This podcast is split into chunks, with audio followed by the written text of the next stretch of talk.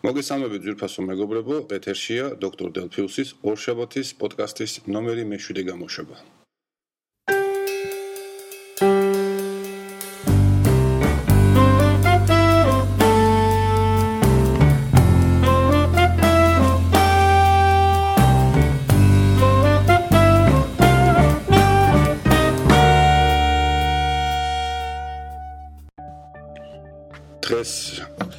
ორშაბათია 20 მაისი დილის 9 საათი. ანუ გადავწყვიტე რომ საბოლოოდ ყოველ შემთხვევაში ჯერჯერობით მაინც გადაცემები ჩავწერო არა წინა დღით არა შაბათს და ასე შემდეგ. არამედ უშუალოდ ორშაბათს მე ახლა მომეცა უკვე საშუალება მესამე კვირა რაც საფურთალოზე არ ცხოვრობ, ცხოვრობ ნაძალადევის მეტროსთან, შესაბამისად სამსახურიც მაქვს დაახლოებით 15 წუთის 15 წუთი ფეხით სავალში და დიტადე ისე რაც და თქვენ მქონდა რომ მე ადრე ვიღვიძებ 6 საათზე და სადღაც 8 საათზე უკვე სამსახურში ვარ ხოლმე. შესაბამისად, სანამ დილის ყავას მოვიდუღებთ, დავლევთ ცოტათი დილის ინფორმაციებს თვალს გადავავლებთ რაღაცა წერილებს და ასე შემდეგ. აი ამის შემდეგ 9 საათზე ჩავიწერე ხოლმე ჩემს გადაცემას. თანაც როგორც პრაქტიკა მაჩვენა და წინა პოდკასტის კომენტარებშიც თემო დაწერა რომ აა ხმის ხარისხი შედარებით უკეთესია ვიდრე ტაბლეტით ჩაწერის დროს. მართლაც კომპიუტერზე ჩაწერა ალბათ უკეთესი იქნება. თუმცა ეს რა თქმა უნდა არა არა უქმებს ტაბლეტზე ჩაწერილს ჩაწერის სურვილს და მე იმ წინა პოდკასტის გამოშვების ესე იგი კომენტარში. დავდებ მული ერთ მოწყობილობაზე რომელიც ჩემ მეგობრის დათიკოს საიტზე ვნახე და ძალიან მომეწონა. ეს არის ძალიან ესეთი მცირე ზომის მოწყობილობა რომელიც საშუალებას იძლევა. 3.5 მმ-იანი ჯეკით მიუერთოთ ნებისმიერ მოწყობილობას ამ აქ არ არის საუბარი მაგაზე მაინც ტაბლეტზე ჩოლებრივი პროფესიული მიკროფონი რაც რა თქმა უნდა ნებისმიერი აუდიო ჩაწერის ხარისხს ერთიორად აამახლებს.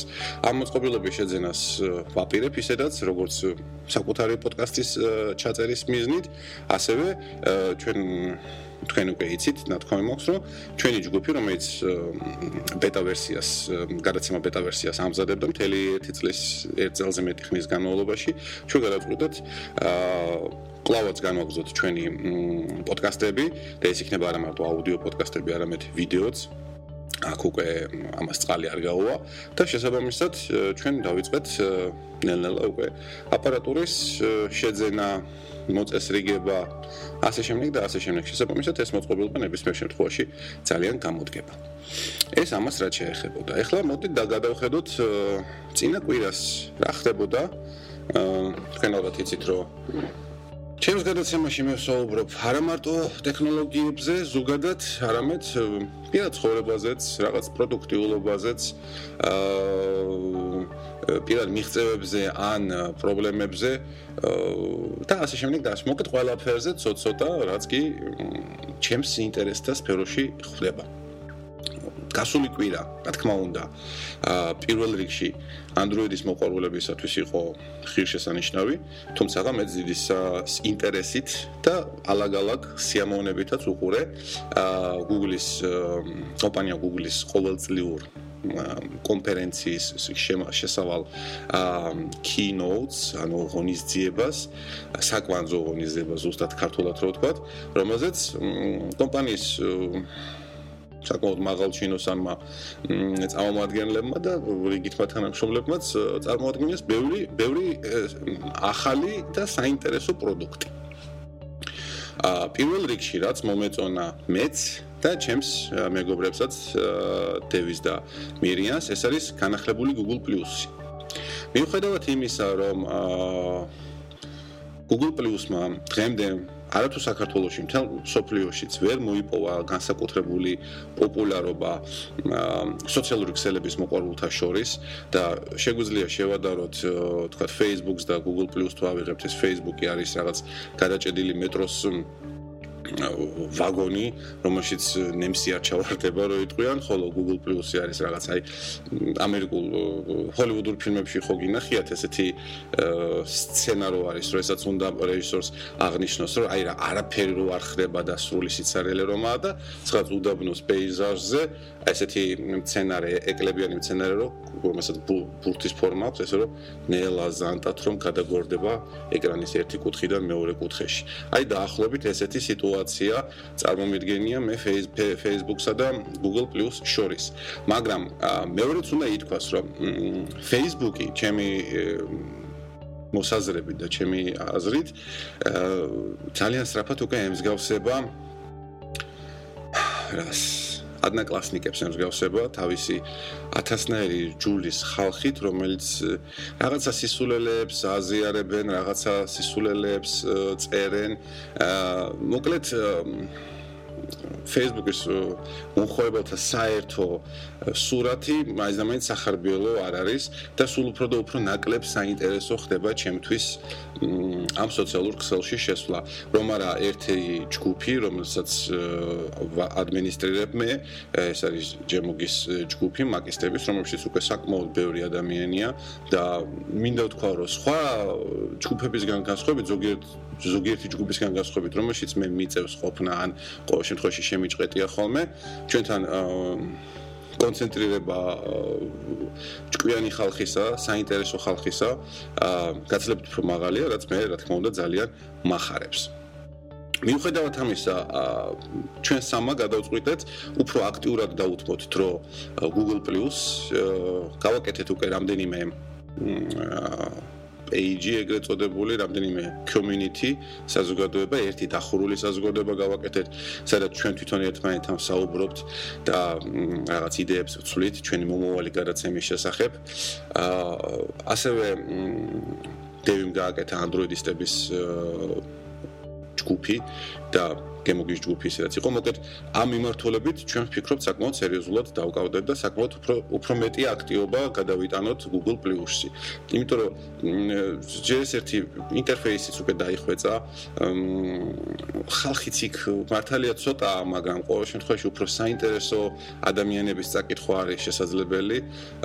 მაგალითად მე ძალიან დიდი ინტერესით ვკითხულობ Linus Torvalds-ის მიერ დადებულ პოსტებს ეგრეთ წოდებულს. აა გაი კავასაკის პოსტებიც ასევე ძალიან საინტერესო, თუმცა ძალიან ბევრს წერს ხოლმე და ცოტა ცოტა ფლუდერი როჟაა რა და ამიტომაც მინიმუმზე მაქვს დაყვანილი მისი მისი ფიდის გამოჩენა ჩემს ჩემს პირად ფიდზე ასე ვთქვათ. ეს რაც შეეხებოდა Google Plus, რომელიც Google-მა თავის კონფერენციაზე I/O 2013-ზე განახლებული სახით წარმოგვიდგინა. მარტო ეს არ არის, რა თქმა უნდა. იქ ნაჩვენები იყო მთელი რიგი განახლებები, რუკები იყო განახლებული, ახალი Hangouts აპლიკაცია, რომელიც iOS-ისთვისაც არის და Android-ისთვისაც არის და რაც უკვე ჩვენ საშუალებას გვაძლევს მე, ჩემი iOS-იდან, მირიანიც ასევე თავისი iOS-იდან და დევი თავისი Android-იდან, რომ ჩვენ ერთმანეთთან გქონდეს მიმოწერა ურთიერთობა აა რაც რა თქმა უნდა ძალიან კარგია აა და ყველაზე მნიშვნელოვანი რაც რაც მოხდა და რამაც მე საბოლოო გადაწყვეტილება მიმაგებინა ერთი მიმართულებით და ეხლა გეტყვით. აა ყველას არა მარტო მე მქონდა მოლოდინი იმისა რომ ამ ღონისძიებაზე Google ბოლო-ბოლო აა თავის 12 მილიარდ დოლარად ნაყიდ Motorola-ს აა დაქოქავდა ჩავთვალეთ რომ ეს 3 წელი საკმარისი დროა იმისთვის რომ კომპანიამ შექმნას ახალი პროდუქტი, გენიალური პროდუქტი, რომელიც საინტერესო იქნება მყიდველისათვის და წარმოგვიდგენდა Nexus 5-ს.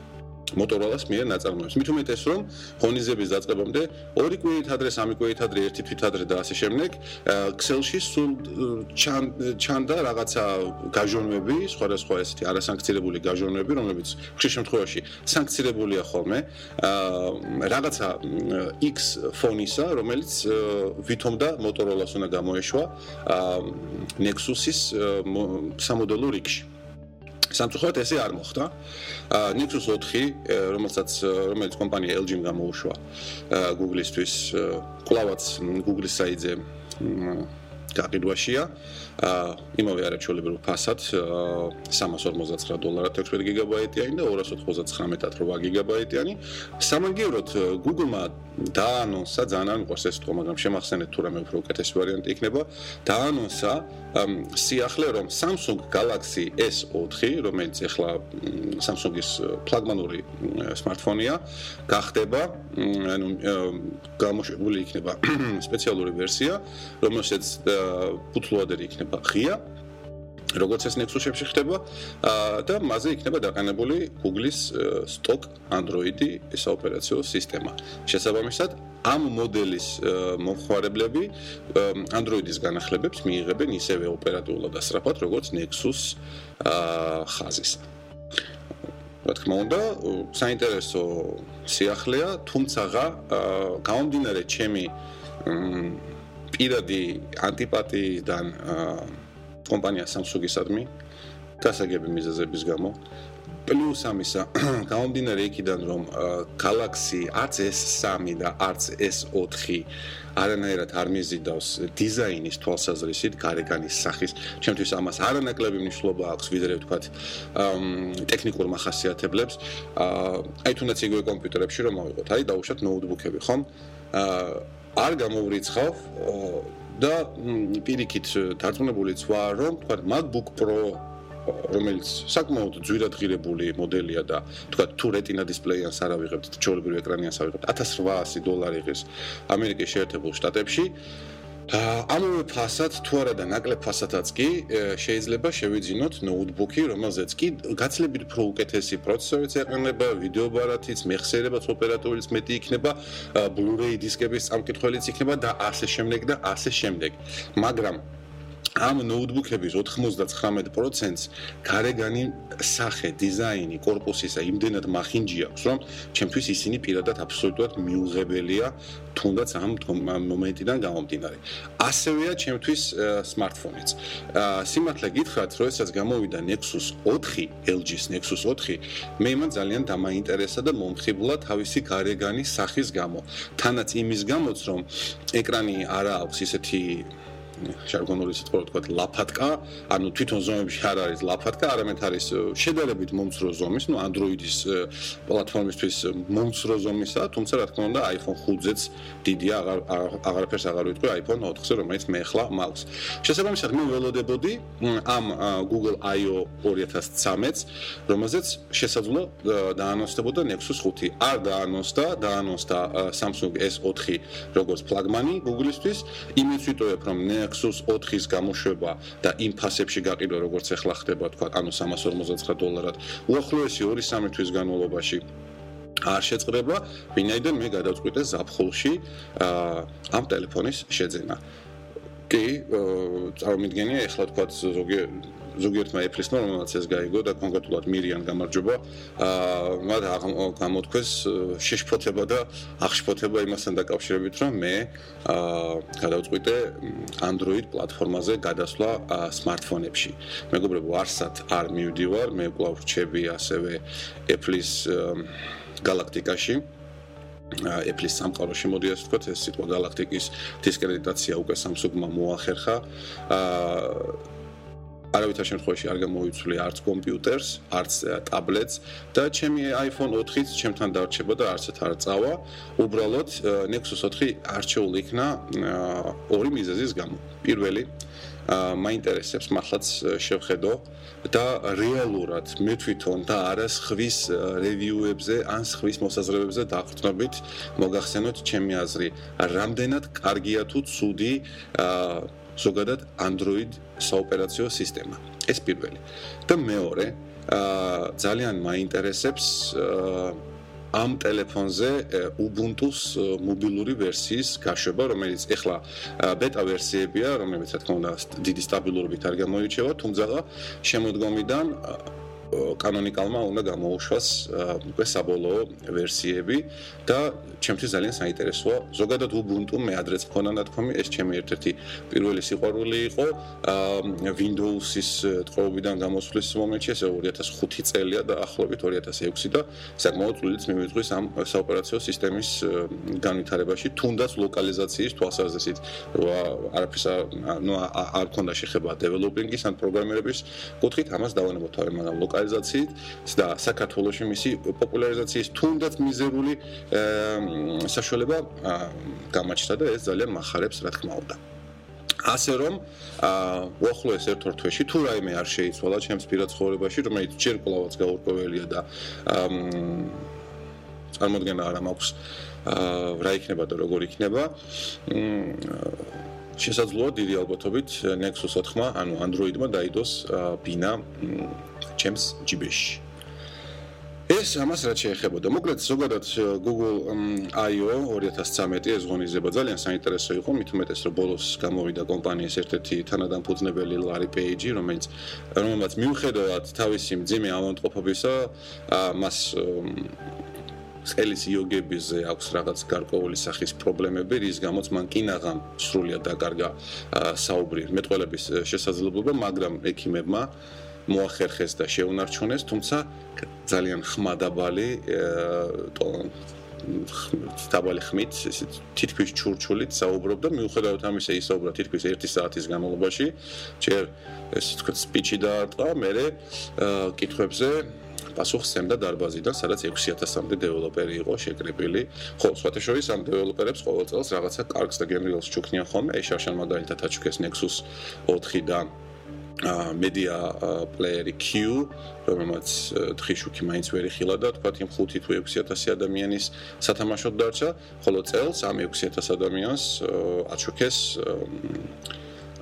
Google-ის Chrome OS-იანი ნოუთბუქი თორსოვი პიქსელი ქვია ხო, რომელსაც ყველაზე მაღალი გარჩევადობა აქვს ეკრანის და თან ტაჩი და ყველაფერი და ყველაფერი და ღირს რაღაც კატასტროფული ფასი. კატასტროფული, იმიტომ რომ სულ 32 გიგაბაიტი აქვს SSD დისკური სივრცე. აა მოდი დავანებოთ Google-ს თავი, ვინაიდან საკმარისად ბევრი ითქვა, მიუხედავად უმეტეს რომ დაახლოებით დაახლოებით 20 დღეში, 19 დღეში ჩვენ გველოდება არანაკლებ და კი არა გაცლებით უფრო საინტერესო ღონისძიება, რასაც ქვია WWDC 2013, ანუ Worldwide Developer Conference, ეს არის უკვე Apple-ის მიერ ყოველწლიურად ივნისის თვეში ჩატარებული ღონისძიება, სადაც კომპანიამ წარმოგვიდგენს ძირითადში თავის software-ულ სიახლეებს, როგორც წესი, აა დესკტოპური საოპერაციო სისტემის განახლებებს, მაჟორულ განახლებებს და ასევე მობილური საოპერაციო სისტემის განახლებასაც. ანუ ჩვენ ვარაუდობთ, რომ წელს შესაძლოა წარმოქმნილი იყოს Mac OS 10 9 რომლის თქვათ კოდური დასახლება ჯერჯერობით უცნობია, როგორც იცით, 10.8 ვერსიის კოდური სახელია Mountain Lion, ანუ მთის ლომი და ასევე ველოდებით, რომ წარმოქმნილი იქნება iOS მე-7 ვერსია, რომელიც დიდი ალბათობით ჩემს ბებრუცანა iPhone 4-ზე უკვე აღარ დადგება, თუმცა იმეც ვიტოვებ, რომ iPhone iPad 3, რომელიც გვაქვს სამსახურში, მასზე დადგება და ვიხილავთ რაღაც გემრიელობებს. არ ვიცი შეიძლება მეორდები და შეიძლება წინა გადაცემაში ან წინა გადაცემებში უკვე ვთქვი, მაგრამ კომპანიის Steve Jobs-ის გარდაცვალები და გარდაცვალების შემდგომ და შაშან Scott Forstall-ის სამსახურიდან განთავისუფლების შემდეგ კომპანიამ კურსი აიღო ინტერფეისის ინტერფეისიდან skeuomorphism-ის ამოღებაზე.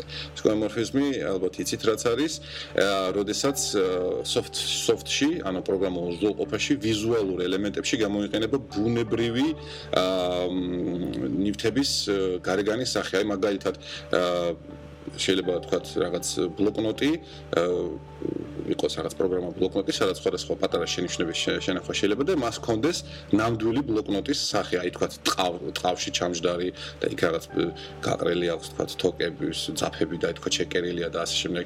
ასევე თქვა პოდკასტინგის აპლიკაცია იყო iOS-ისთვის, რომელშიც როდესაც გაუშვებდით ფაილს, პოდკასტის ფაილს, ბობინებიანი მაგნიტოფონი გამოჩნდებოდა ეკრანზე და ეს ბობინები ტრიალებდა, მართლაც ილუზია იყო იყო ძალიან მაღალი დონის, ვინაიდან ის ფირიც მოძრაობდა ყველაფერი, ყველაფერი ძალიან საინტერესო იყო. აა უკვე რაღაც 1-2 თვე იქნება, რაც ეს პოდკასტების აპლიკაცია განახლდა და ეს ბობინები მაგნიტოფონი გაქრა. მისი ადგილი დაიდო ჩაოლებრივმა პლეიერმა. კარგია თუ ცუდია, ამას მომავალი გვიჩვენებს. ერთი შემეძლია თქვა, რომ მაგალითად iPad-ზე მისამართა წიგნი გამოიყურება კატასტროფიულად. ჯერ-ერთი იმიტომ, რომ ვითომ და ნამდვილი მისამართების წიგნის სახე აქვს. აა, ну, ეს ერთი პრობლემა, მაგრამ ვერტიკალურ მდგომარეობაში, როდესაც ხსნით ამ აპლიკაციას, ის არიშლება მთელ ეკრანზე, არამედ ისე იგი ზემოთ და ქვემოთ საკმაოდ მსხვილი, შავი, ცარიელი ადგილები დაძდევს, რაც ერგონომიკის, აი, გაუგონაი და კატასტროფული დარღვევაა, ასე ვთქვათ. ნუ ჰორიზონტალურ ფორმაში კიდე არა უშავს, მაგრამ უკვე მთლიან ადგილს იკავებს ჯანდაბას, მაგრამ ვერტიკალურად საშინელებაა. და დიდი იმედი მაქვს, რომ აი ესეთი ლაფსუსები და ესეთი შეუსაბამებები, შეუსაბამი მომენტები საოპერაციო სისტემებიდან ამოღებული გადაღებული იქნება.